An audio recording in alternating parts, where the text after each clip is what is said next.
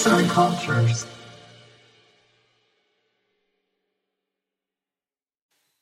Merhaba arkadaşlar. Sanat Tarihi podcast'imizde bu hafta hepimizin yakından tanıdığı Klimt ve eserleri hakkında konuşacağız.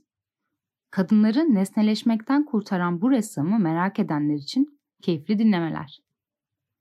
Gustav Klimt, gelmiş geçmiş en ünlü Art Nouveau ressamlarından biridir.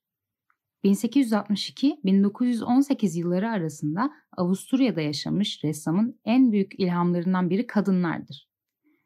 Onun yaşadığı dönem sanattaki değişimlerin ve yeniliklerin hat safhada olduğu bir dönemdi. 19. yüzyılın ikinci yarısı tuhaf bir Rönesans dönemidir diyebiliriz.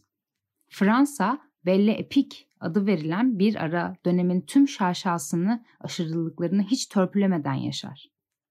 Moulin Rouge ve Folies-Bergère zevkin ve eğlencenin sınır tanımadığı mekanlardır. Ancak Birinci Dünya Savaşı'ndan hemen önce Belle Epique ışığı sönmeye başlar. Fakat bu çöküşle birlikte tükenmesine izin vermediği güzellikleri yeniden yaratacaktır. Yeni akımlar doğmaya başlar. Resimde soyluların yerine sıradan insanlar, gün ışığının yerine sis ve loş aydınlık, klasiğin yerine avantgard alır. Art Nouveau. Sanatçıları ilhamını önce doğadan alır, doğanın dinamik güçleri önemlidir. Çiçekler, bitkisel motifler, kadın vücutları artık gerçeklik kaygısının yerine fantezi ve hayal gücü almıştır. Gerçekten de her dönemde sanatın vazgeçilmez objesi olan kadın Art Nouveau'da baş tacıdır. Klimt'in de resimlerindeki en önemli tema kadındır ve eserlerinde zarif bir erotizm göze çarpar. Bu zarifliğin en ilginç unsuru da bazı eserlerinde gerçek altın tozundan boya kullanmasıdır. Tablolarındaki kadınların dişiliği utanma duygusunu ortadan kaldırılarak kadınlara yeni bir anlam kazandırır.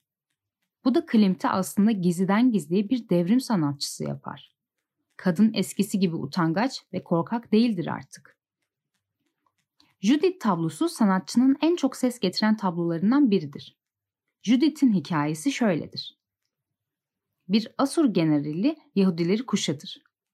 Güzel ve alımlı bir kadın olan Judith güzelliğiyle generalin aklını başından alır. Yanına yanaştığı generalin kafasını bir kılıçla gövdesinden ayırarak tıpkı Musa'nın yaptığı gibi İsrail halkını esaretten kurtarır. Bu tablo kadının cinselliğini bir tabu olmaktan çıkararak gözler önüne serer. Yapılan onca Judith tablosundan ayrılan en önemli nokta kadının yüz ifadesinde gizlidir. Dinsel ve tarihsel bir temadan koparak erotizm ve şiddet kokan bir hikayeye döner. Dikey, sert ve keskin olanla oval ve yumuşak olanı birbirine bağlar tablo. Hem hikayenin sertliğini hem de kadının zerafetini görebiliriz. Klim sanatının altın döneminin başlangıcıdır bu eser. 1897'de arkadaşlarıyla birlikte Sezesyon grubunu kurdu ve grubun ilk başkanı seçildi. 1902'de Sezesyon'a ait en büyük sergiye Beethoven Firuze adlı çalışmasıyla katıldı. 1907'de sonradan çok tartışılacak olan Öpücük isimli tablosunu yaptı.